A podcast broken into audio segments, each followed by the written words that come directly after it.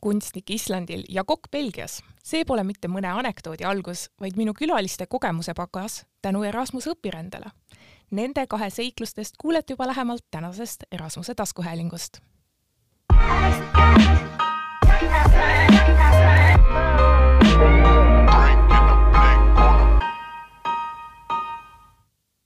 Tere tulemast Erasmus plussi Euroopa Solidaarsuskorpuse taskuhäälingusse.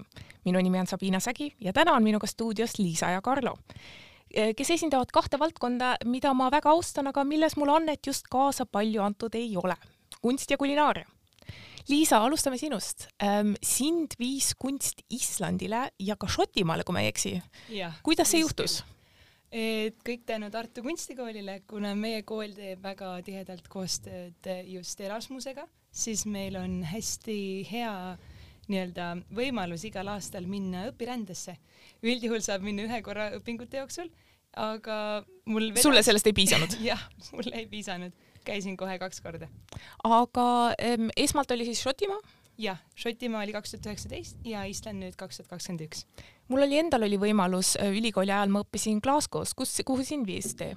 Edinburgh'sse see on väga selles mõttes maaliline koht, et noh, kunsti jaoks tundub nagu, nagu, nagu imeline, imeline, kõige, kõige parem, ma ei saa midagi teha, ma väga igatsen tagasi. no aga, aga samas äh, noh, Šotimaa viis Islandile, kuhu Island viib? no Island võiks viia mu esimese päris romaani ilmumiseni, sest see oli see, mida ma seal päriselt äh, tegin. Aga mine tea, maailm on suur ja lai ja ma olen nii noor, et ma loodan, et igale poole no see hakkab juba selles mõttes, algus on juba ju väga paljulubav, et, et mis põnevaid asju, asju on, on Erasmusega tehtud, aga üks asi, mis sul äh, on ühist Karloga, on, ka sina ei suutnud ühe, ühe õpirändega piirduda. kuhu sind siis Erasmus viis? Äh, mind viis kaks tuhat üheksateist aasta siis Erasmus äh, algul Belgiasse ja pärast ka veel Hispaaniasse aga jällegi, miks, miks mitte ükskord käia, põnev olukord, saab kõik näha, tuled tagasi, teed, teed oma õpinguid edasi. no ütleme nii, et see Erasmus projekt, kui sa ühe korra käid, see jääb nagu, see on nagu nakkav, sa tahad veel ja veel ja veel, see on nagu sõltuvust tekitav lausa. nii et Erasmus kui, kui legaalne narkootikum siis? jah, ütleme niimoodi aga äh, kokandusega ähm,, miks peaks või võiks kokk minna välismaale ennast täiendama? no ütleme niimoodi, et äh, toit kui selline asi on nagu hästi laialdane juba kultuuri poole poolest, äh, poolest ja nagu igas riigis on enda mingid toidukultuurid ja oskused ja maitsestamisviisid ja kõik nagu on erinev. Igas riigis, nagu selles mõttes kokal on nagu väga huvitav ja see on nagu silmaringile hästi hea asi, et sa nagu näedki laialdaselt, mis toimub ka mujal maailmas, mitte ainult sul siin näiteks Eestis aga mis oli näiteks Belgia toidukultuuri puhul midagi sellist, mis sa mõtlesid, et oo, et see on küll midagi, milles, millega ma pole kokku puutunud? no Belgia, just seal Gendi linnas, kus mina olin, oligi puhtalt nagu see oli vegetaarlaste linn mm, -hmm. seal oligi hästi palju vegan restorane ja sellist, sellist sorti restorane, ehk siis sealt õppiski hästi palju nagu just seda taimetoidu poolt. et see oli nagu hästi huvitav Belgia osas aga siis Hispaanias, seal söödi liha? Hispaania oli, jah, seal oli liha, aga enamjaolt ikkagi mereannid, värsked mereannid, mis meil kõik kohalikud olid seal, kõik äh, austrid, kammkarbid, Sinimere karbid, kõik selline teema, kaheksa jalad mul, mulle, mulle meeldis ka see, et ma küsisin teilt mõlemalt äh, materjale, et, et ma saaksin ennast natuke ette valmistada, võib-olla parem ülevaate sellest, mida te tegite. Ehm, ja äh, Liisa, sinu puhul mul jäi silma, et, et üks sinu projektidest pärast Erasmust oli seotud Harry Potteriga ja... kas, kas sealt tuli, kas sealt tuli Edinburgh'st inspiratsiooni? no loomulikult, J.K. Rowling ju alustas Harry Potteriga seal ja täiesti uskumatul kombel juhtuski nii, et äh, olin Edinburgh'is ja tulin tagasi ja siis pakuti praktikavõimalust, juba teist, sest et Edinburgh oli mu esimene praktika ja see oli Tartu Ülikooli raamatukogus ja neil oli Harry Potteri neljakümnenda juubeli puhul siis näitus ja oli suur au teha seda tõesti ja mi, mis osa, sest noh, kunst, ma ütlesin alguses väga lai, et äh, nagu ma aru sain, sa oled dekoraator, et kuidas ja. inimene endale see täpsemalt ette peaks kujutama, et äh, Harry Potteri näitus, mis on sinu roll selle juures täpselt? mina ehitasin kõik eksponaadid koos oma kahe teise dekoraatorist Klarsidega, et põhimõtteliselt ongi, dekoraator teeb kogu sisekujundust, mis on ajutine, ehk siis äh, kui sul on vaja diivanit liigutada, siis sa kutsud ise, sisekujundaja, aga kui sul on vaja teha näitust, müügipinda, midagi siukest, pulma, siis ja dekoraator siis sind leiab seal, et, et kui on Harry Potteri pulmasoo kellegi kuulajatest. jaa, täiega siis teab, siis äh, pöörd-, pöörduge Erasmuse agentuuri poole, saame kontakte edasi anda. just. aga äh, Karlo, sinu puhul ähm, oli väga mitmekülgseid asju, mida sa saatsid mulle, üks ja, asi oli ka üks äh, video mille thumbnail, mille see esimene pilt oli üks, ma, ma pidin isegi nagu lähemalt vaatama seda, see oli üks kandik täis äh, silmamune, kui ja. ma ei eksi ja alapealkiri oli Lammas. Äh, ma pean tunnistama, et, et hommikul hommikusöögi kõrvale ma ei julgenud vajutada, aga kas sa saaksid sellest võib-olla lähemalt rääkida, näitamaks, et, et kokanduses on vaja tugevaid närve. no ütleme selles mõttes äh, nii, et äh, tänapäeval kokanduses hästi palju nagu üritatakse kasutada nagu seda äh, sabast peani nagu mõtteviisi, ehk sa ei raiska nagu toorainet niimoodi, et sa kasutad ainult mingit sisefileed ja välisfileed ja ülejäänud nagu viskad minema, vaid nagu tänapäeval ongi kokandus see, et nagu mida rohkem sa oskad ära kasutada, seda nagu parem on see nii keskkonnale kui inimkonnale et me ei raiska, praegu ongi nagu hästi suur probleem nagu maailmas ongi see, et äh, me väga palju nagu kodus ja raiskame nagu äh, puhast toorainet, millest oleks võimalik tegelikult nagu vabalt süüa täiesti veel teha. aga kas sul oli ka võimalus ise seda proovida uh,? jah meie kuulajad on kindlasti noh, haridushuvilised, nad ei teadnud veel täna kuulates, et nad on võib-olla ka, ka selle huviga, aga mis maitsega on, on lamba silmamuna? Äh, selles mõttes äh, meie kasutasime selleks, äh, meie fermenteerisime, ehk siis me nagu lihtsalt öeldes me nagu mädandasime põhimõtteliselt kergelt e-, ehk tal ja maitsestasime ära, ehk tal oli nagu maitse juures, me ei proovinud nagu seda värskelt peast nagu silmamunas mm -hmm. värskelt peast ei proovi. aga selles mõttes jah, et mädandasime selle ära ja siis on see täiesti, meil läks menüüsse see Michelini restorani. millega seda võrrelda saaks? kusjuures tegelikult natukene meenutas nagu äh, nagu kala, võib-olla mingi haug näiteks, mis on marineeritud äkki mingis äh, kurg, äh, äh, marineeritud kurgivedelikus võib-olla midagi laadset. et see oleks nagu kõige, kõige lihtsam nagu siuke äh, võrreldus sellel. No nüüd me teame, kui, kui mereandidest ükskord üle viskab, siis on, on variante on olemas. aga ähm, samas äh, Liisa, sinu puhul äh,, mis, mis me ka mis oli hästi põnev, oli, oli just Islandi, sest noh, Island on, ma arvan, väga paljude inimeste jaoks selline unistuste reisikoht, aga sul oli võimalus natukene vaadata telgitagustesse ja võib-olla kogeda asju, mida teised ei saa. jaa kindlasti kohalikud ikkagi, ega igal reisil on see, et sul võib olla ükskõik kui äge sihtkoht, aga kui sa oled seal nõmedate inimestega, siis tegelikult e, sa jäädki mäletama neid inimesi rohkem kui reisi ja vastupidi on ju täpselt samamoodi, ehk siis e, minu Islandi reisi, ma arvan, kõige lahedamaks tegidki just nimelt kohalikud, et ma olin ühes kunstimajas Kulgistani äh, loomekeskus on selle koha nimi. ma väga soovitan kõigile, sinna saavad kõik residentuuri minna, lihtsalt äh, kui ei ole Erasmuse abi, siis on see võib-olla natuke kallis, aga seda peavad ülilahedad inimesed, äh, Jon ja Alda, nad on imetore paar ja nend-, tänu neile just nimelt ma sain seda Islandit, ma arvan, noh, tunda nii, nagu teised ei saa, sest et käia külas, näha neid päris inimesi, seda keelt kuulda, neid traditsioone, kõike seda, et see on, see on see, mis minu jaoks oli võib-olla kõige olulisem. kas sa käisid seal üksinda või oli Tartu äh, kunstikoolist oli ka terve grupp teid või kuidas see, kuidas see jaotatud oli? Mina läksin sinna koos äh, Mette ja Pauliinaga, kes me olime just värskelt lõpetanud nädal aega varem ja siis me läksime kõik kolmekesi. Ja siis oli seal veel Kristel ka kohapeal, kes on äh, õpetaja ja vilistlane et seega meil oli neli eestlast, siis meil oli üks äh, Šveitsi kirjanik ja siis oli üks Ameerika kirjanik. ja siis hiljem, hiljem oli siis neli eestlast ja üks äh, šveitslane. see, see kõlab nagu väga selles mõttes äh, huvitav äh, nagu kogukond omaette, et äh, aga noh, mida sa mainisid ka, et, et te olite värskelt lõpetanud, et paljud võib-olla ei tea ka seda, et Erasmust saab teha ka äh, aasta pärast lõpetamist. et, et kui on, kui on nagu isegi õpingud tehtud, siis seda võimalust saab kasutada, et noh, et jala, jala saada ukse vahele ja võib-olla edasi minna sealt. et, et see on kindlasti noh midagi, mida, mida võiks iga, iga lõpetaja endal nagu meeles äh, pidada, aga äh, võib-olla räägiks inimestega natukene, et kuidas see protsess käis, et äh, Karlo, läksid Erasmuse koordinaatori juurde, ütlesid, et aitab, tahaks välja, kuidas? ei, kusjuures minul isegi oli niimoodi, et ma olin lihtsalt siuke suur köögifanatt nagu seal koolis, ehk siis praktiliselt kõik need, meil on nagu noh, Pär-, Pärnu kool ei ole nii suur, et põhimõtteliselt ikkagi kõik nagu toitlustusosakonna inimesed teavad üksteist seal ja kes nagu on siuksed veits äh, vähe hakkavad, siis äh, nad teavad neid ka ja siis äh, mul üks päev lihtsalt pakuti, et äh, meil siis praktika äh, koordinaator Karmen pakkus, et kas sa ei tahaks näiteks välismaale minna järgmine aasta ja ma olin nagu miks mitte. ja kui kaua läks sellest äh, äh esimesest ja võiks minna kuni lennujaamani?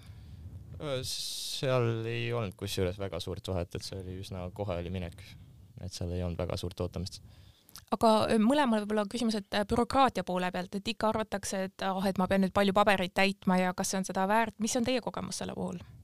no minul ei läinud võib-olla nii lihtsalt nagu Karol, et ma pidin ikkagi äh, konkursil osalema. meil on koolis iga aasta see, et on teatud sihtkohad, kuhu on äh, kaks kuni neli inimest ja siis sa peadki täitma pabereid, et äh, motivatsioonikiri inglise keeles, portfoolio, mis peab olema võimalikult hea, et sind valitaks. Ja siis, kui need on tehtud, siis hiljem on see Europassi keeletest ja ja noh, meie koolis nagu natuke on, aga ei, siiski, come on, see on natukene paar tundi oma elust kulutad paberimajandusele selle jaoks, et saada välismaale, et noh, et jah, portfoolio tegemine võtab aega, aga kuna seda enamik vist tegema ei pea, siis ma arvan, et ei ole kindlasti seda probleemi, et ei saaks. Milliste ootustega te lähtusite, et mida te arvasite, et milline teie Erasmus on versus milline see pärast oli tegelikult, kas, kas oli sarnane, teistsugune? no ma ei tea, kuidas Karlol, aga mul oli küll ägeda ma ütlen, ütleks niimoodi, et äh, ma, mul oli mingisugust ootust, aga iga kord, kui ma käisin, siis need ootused olid nagu äh,, nagu lõppkokkuvõttes oli veel lahedam, kui ma üldse ootasin. et selles mõttes ma ei, ei osanud kord, kumbki kord midagi nii head oota.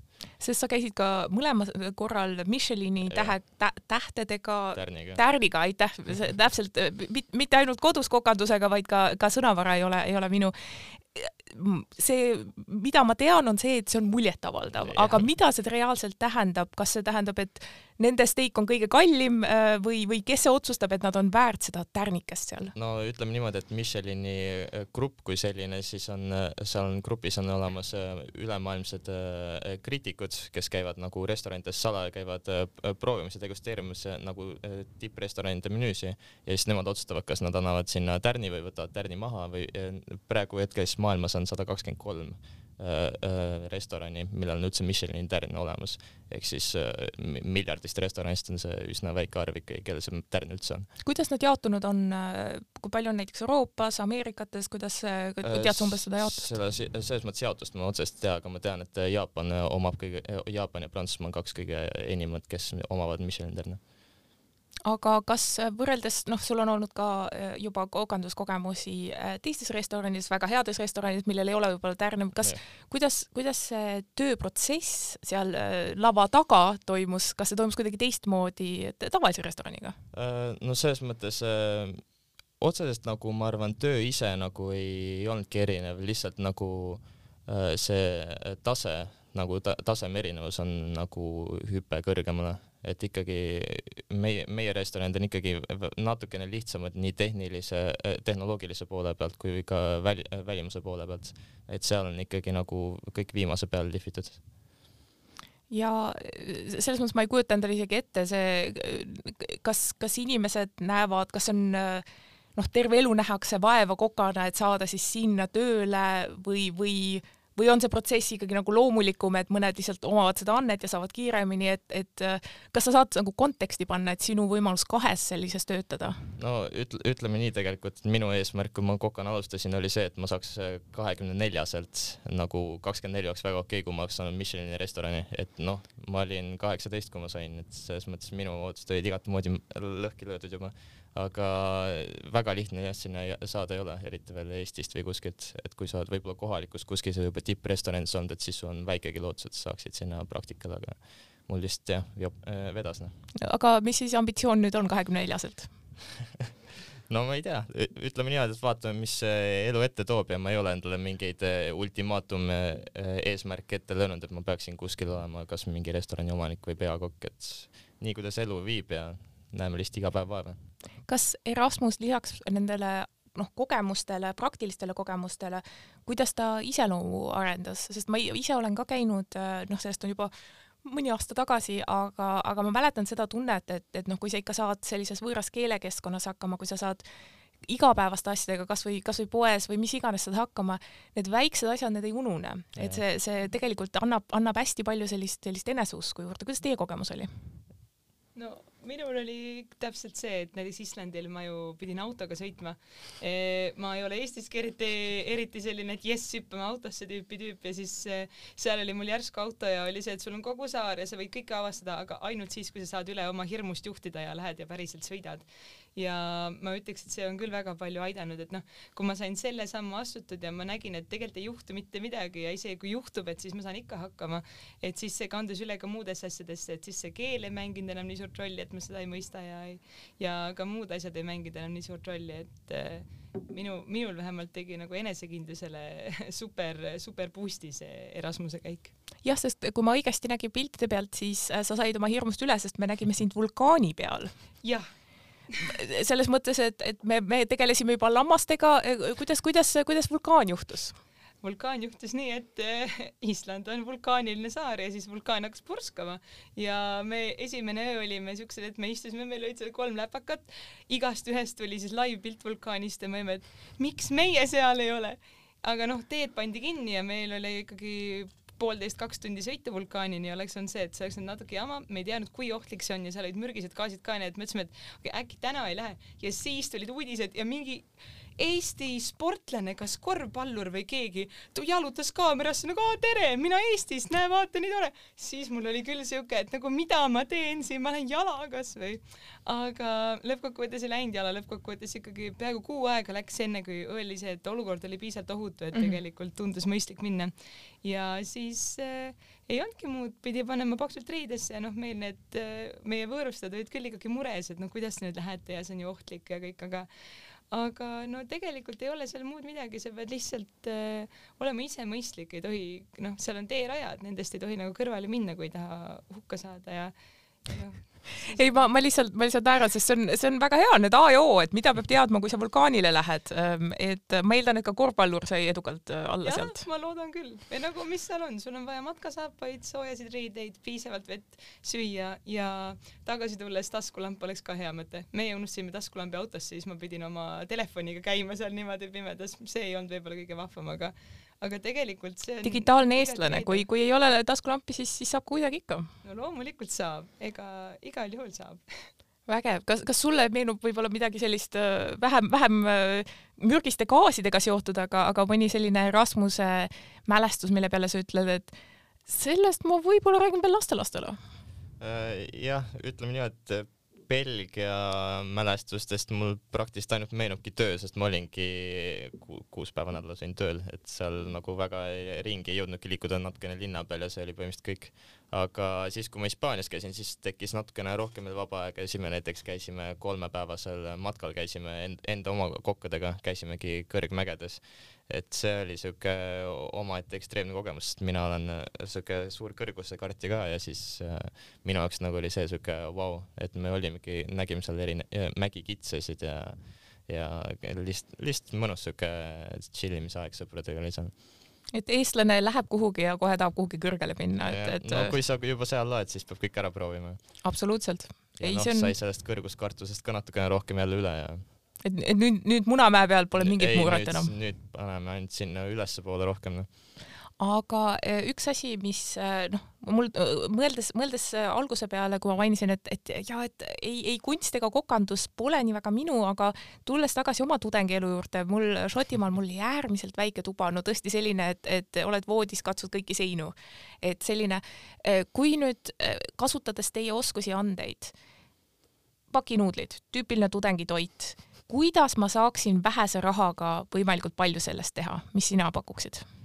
Äh, noh, mina ei propageeri üldse väga pakinuudleid, see on nagu kokadel on viima-, viimane asi põhimõtteliselt, mida aga mida, mida saaks, mida saaks vähese rahaga iga tudeng oma, oma äh, ühikatoa teha, teha Michelini tärniga no ütleme kasvõi kanapasta, noh, kõige, kõige, üks odavamaid asju, millest teha, noh, oda-, odavad kanatükid kuskilt ja lihtsalt pasta juurde ja natukene piimakoort ja elu on ilus kui, kui sellest juba piisab, piimakord, ma just mõtlesingi, mis sinna kastmesse peaks minema, et oleks selline.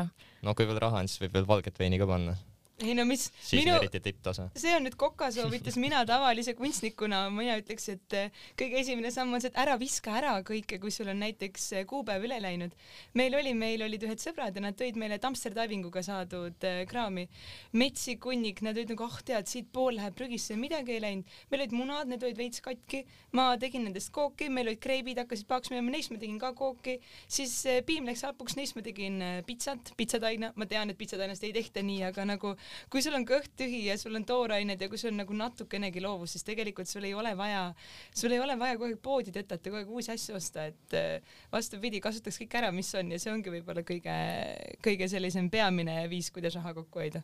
aga kas seda saab ka rakendada võib-olla just dekoraatori poole pealt, et äh, tuba on väike, aga tahaks ikkagi kodusemaks teha, mis ma seal tahaks teha? täpselt, mina näiteks võtan igale poole, kus ma lähen pikemaks, võtan mõned fotod ja pildid kaasa, natuke tahvlinätsuga panen kohe pildid seina, väga palju mugavam, aga no ükskõik mida, näiteks käid jalutamas, tood mõne kivi siit, oksakese sealt, et nagu väike lillevaasike võib-olla kuskile alati saab, no sa jood mingit äh, purgi, purgi džinni või midagi ja siis sa paned sinna oksad sisse, teed väikse kompositsiooni, kohe on kodusem, et nagu tegelikult võimalusi on alati, sul ei pea olema mingit eelarvet, et sul oleks äh, tore olla see on, see on hea mõte, sest äh, tihti on ka see küsimus, et äh, paljudel noortel ja võib-olla ka lapsevanematel, et no me, meil ei ole palju raha perekonnas mm.. laps nagu tahaks minna, mis me, mis me sellega teeme, et, et ma ei hakka nüüd kellegi rahakotti vaatama, aga kuidas teie hindate Erasmuse võimalused rahalise poole pealt, kas te pidite ise peale maksma, kas, kas oli võimalik elada ära ja saada see kogemus äh, selle, selle toetusega, mida te saite?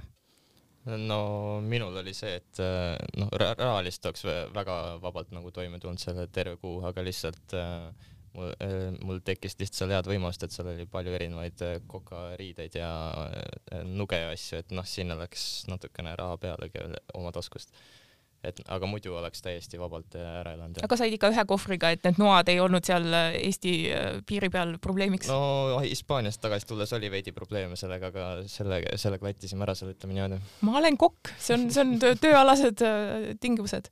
Kuidas sinu pool oli? E, väga hästi sai, et e, ma olen kuulnud hästi erinevaid Erasmuse ko- kogemusi erinevatelt tuttavatelt ja et e, kõigil ei ole olnud nii hästi nagu mul, aga mul oli küll see, et e, absoluutselt ma ei pidanud muretsema selle pärast, et kas ma nüüd homse päeva näen ära või mitte. no see, seda loomulikult ka, et, et, et üks asi on, et et tudengina, kui ei ole võimalik teha noh, kakskümmend neli seitse tööd, siis on, siis on see raske, aga ka see, et, et see noh, need kõik need asjad, mis on lisaks, igasugused keelekursused ja sellised võimalused ka, aga kuidas, kuidas teie näete äh, tulevik, Eesti, välismaa, vahet ei ole, kus, kus teid võib leida tulevikus? ma arvan, et äh, lähima kahe aasta jooksul küll plaani ei ole hakata liikuma, aga mingi hetk kindlasti jah, et kui juba siin hakkab äh, natukene see tase kitsaks jääma endale, enda jaoks, siis äh, ma näen jah, et pigem, pigem on see välismaale minek, aga kindlasti ka tahan tagasi tulla. Et üks päev tahaks näiteks siin õpetada juba järgmist äh, põlvkonda välja ja edasi anda kõik, mis ma olen õppinud. kuidas sinu pool on? no ma tahan kindlasti reisida ja siukseid sutsakaid paar kuud, pool aastat kindlasti tuleb veel, aga no kellele sa kirjutad, nagu ma olen kunstnik, aga ma olen ka kirjanik ja kellele sa kirjutad, kui sa ei kirjuta omas keeles, et nagu ma võiksin ju minna Šotimaale ja olla seal nagu aa jaa, jess, see on see koht, kus J.K. Rowling kirjutas, aga no ma ei kirjuta ju inglise keeles, ma kirjutan ikka emakeeles ja seega juured hoiavad kõvasti kinni. kas äh, nüüd on, on selline julgus, et äh, lähed ja otsid ise endale kuskil töö ja võimaluse või, või on ikkagi see, et, et mõne programmi kaudu või kuidas, kuidas see muutub raskemaks, kui te haridussüsteemist väljaspool olete? Aga kes ütles, et me oleme haridussüsteemist väljas? no aga räägi siis, siis lähemalt sind viis tee edasiõppimisele. Eh, mina lähen eh, ja sügisest, vähemalt ma loodan, kolmeteistkümnendal tulevad tulemused, aga ma loodan, et ma lähen sügisest Tartu Ülikooli folkloristikat õppima. väga põnev, nii et kas, kas see mõte on siis juba seotud ka vaata, nagu kas sa vaatasid juba ka, et millised partnerid neil on? Ma tean, et Erasmusega saab Tartu Ülikoolist ka minna, aga ega Erasmus pole ainuke viis, et ma tahaks järgmisena student tour'i proovida, et eh, Ameerikasse minna. aga eh, miks, miks just äh, sellega või mis, mis sind selle puhul köitis, mida, mida Erasmus näiteks ei saa pakkuda?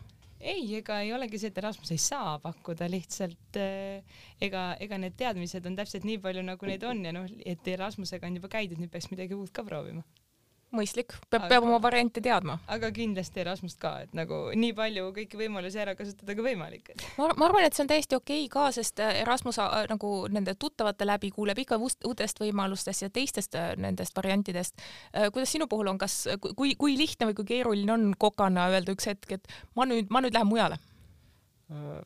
tegelikult väga raske ei ole, sest äh, tihtipeale kokandustöö kui selline ongi hästi selline rändav töö ja ongi siuke ava, avastamistöö, ütleme niimoodi, et see pa, paljud kokad ongi näiteks niimoodi väl, välismaal näiteks väga tavaline see, et sa oledki näiteks pool aastat oled ühes kohas, sa rändad jälle järgmisse riiki, et see ongi siuke hästi hea töö nagu, kus saad rännata ja nagu töötada igal pool.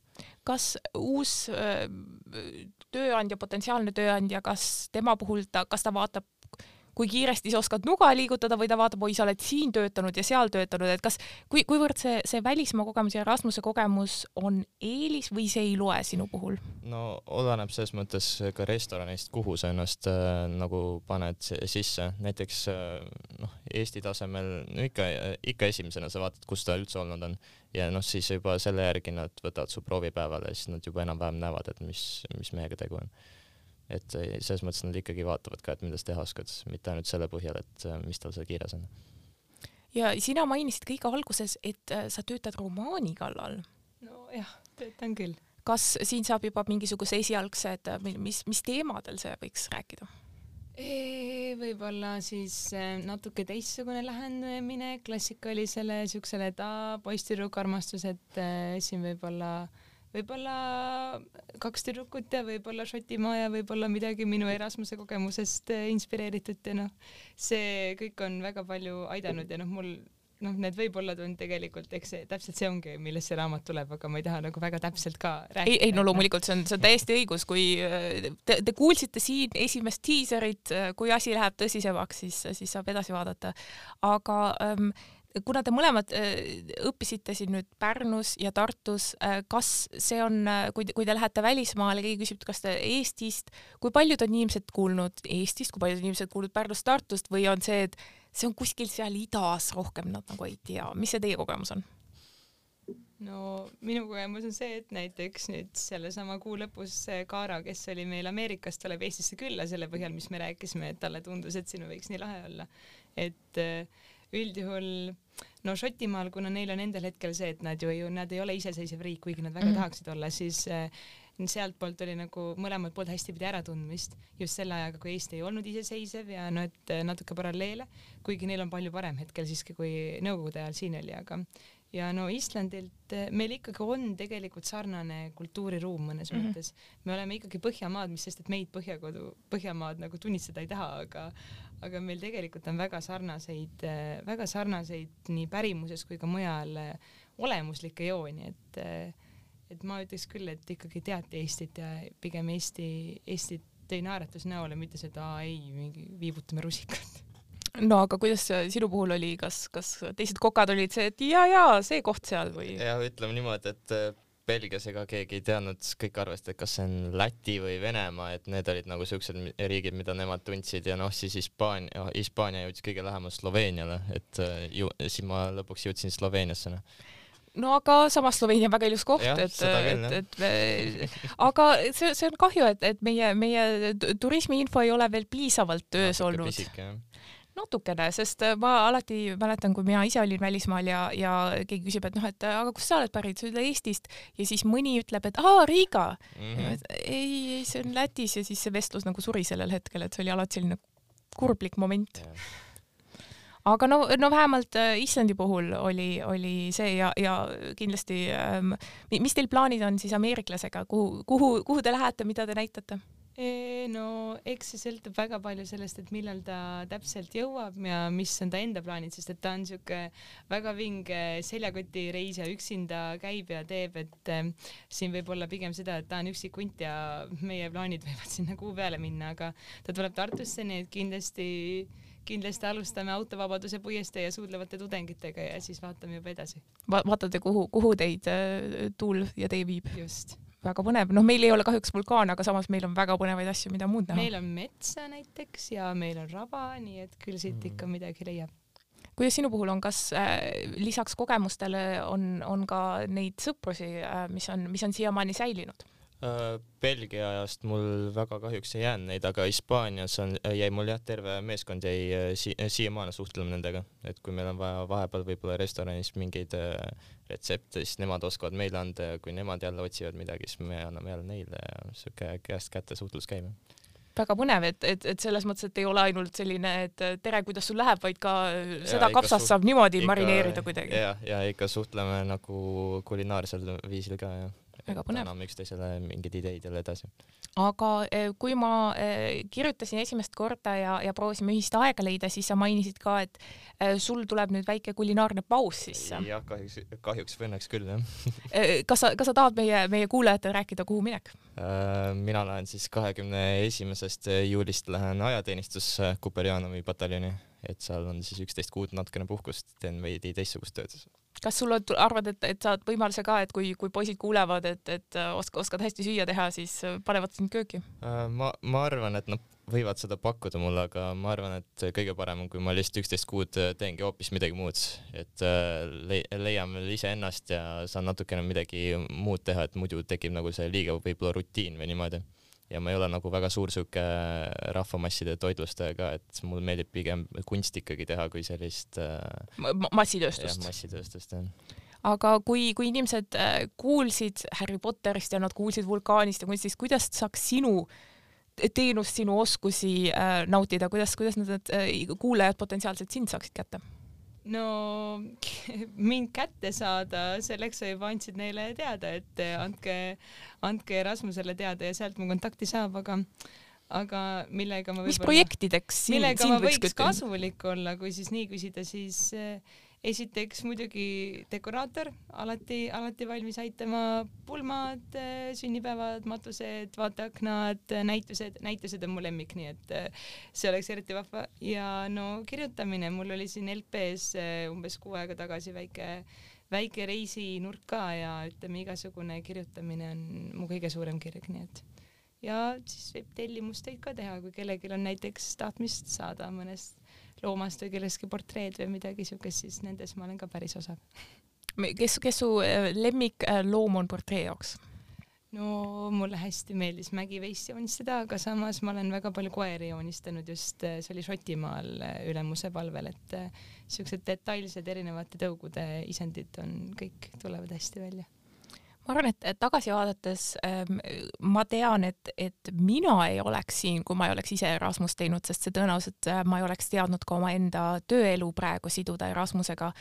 kui teie vaataksite tagasi, mis te arvate, kuivõrd oleks elu olnud erinev ilma nende kogemusteta, mida Erasmus teile pakkus? See on nüüd väga eksistentsiaalne küsimus. no aga, aga samas äh, ma arvan, et me oleme ju natuke rääkinud, et, et tegelikult noh, kõrvalt vaadates on olnud asi suhteliselt lustlik ja tore ja põnev. kindlasti on olnud ka, ka võib-olla mitte nii toredaid külgi, aga kuivõrd see mõjutas seda trajektoori teie arvates? No minu jaoks ta ikkagi tegelikult mõjutas väga suurel määral, seepärast et äh, nii noorelt äh, sa, käia kuskil Michelini restoranides ja saada sealt äh, soovituskirjad ja kaasa, et äh, selles mõttes üks, põhimõtteliselt ükskõik kuhu restorani ma Eestis lähen, siis äh, mul on juba omad eelised seal olemas juba suurelt. et äh, nii kogemuse poolest kui ka paberi poolest on ta juba jah, väga-väga suur nagu karjääri muutja. minu poolt võib-olla äh, Äh, Šotimaa õpetas mind, et äh, tegelikult üksi saab ka väga hästi hakkama. Ja Island õpetas seda, et äh, tegelikult ongi okei okay ka noorena määratleda ennast kui kirjaniku ja kunstniku ja et, et see võib-olla ei loegi, et mul ei ole nüüd ei ole nüüd mitut raamatut ette näidata, mis oleks suurelt poelettidel olnud või et mul ei ole, ei ole suuri näituseid või et ma võib-olla ei ole kogu aeg tööl, aga et tegelikult äh, et äh, ikkagi ka noorel inimesel on väärtus sellisel maastikul ja see oli minu jaoks väga oluline mõistmine, ütleme nii. et sa tead rohkem, kellena sina ennast näha tahaksid. ja kellena ma ennast määratlen, just. super. aga aitäh minu tänastele külalistele. järgmises osas teeme juttu inimestega, kes aitavad värskelt Eestisse saabujatel meie kultuuriruumis teed leida Erasmus pluss ja Euroopa Solidaarsuskorpuse agentuuri tegemistega saate end kursis hoida just selle nime all Facebookis lisaks ka Instagramis Erasmuse lood ning euroopanoored.eu kontode kaudu. agentuuri ja Haridus- ja Noorteameti poolt aitäh ja peatse kuulamiseni!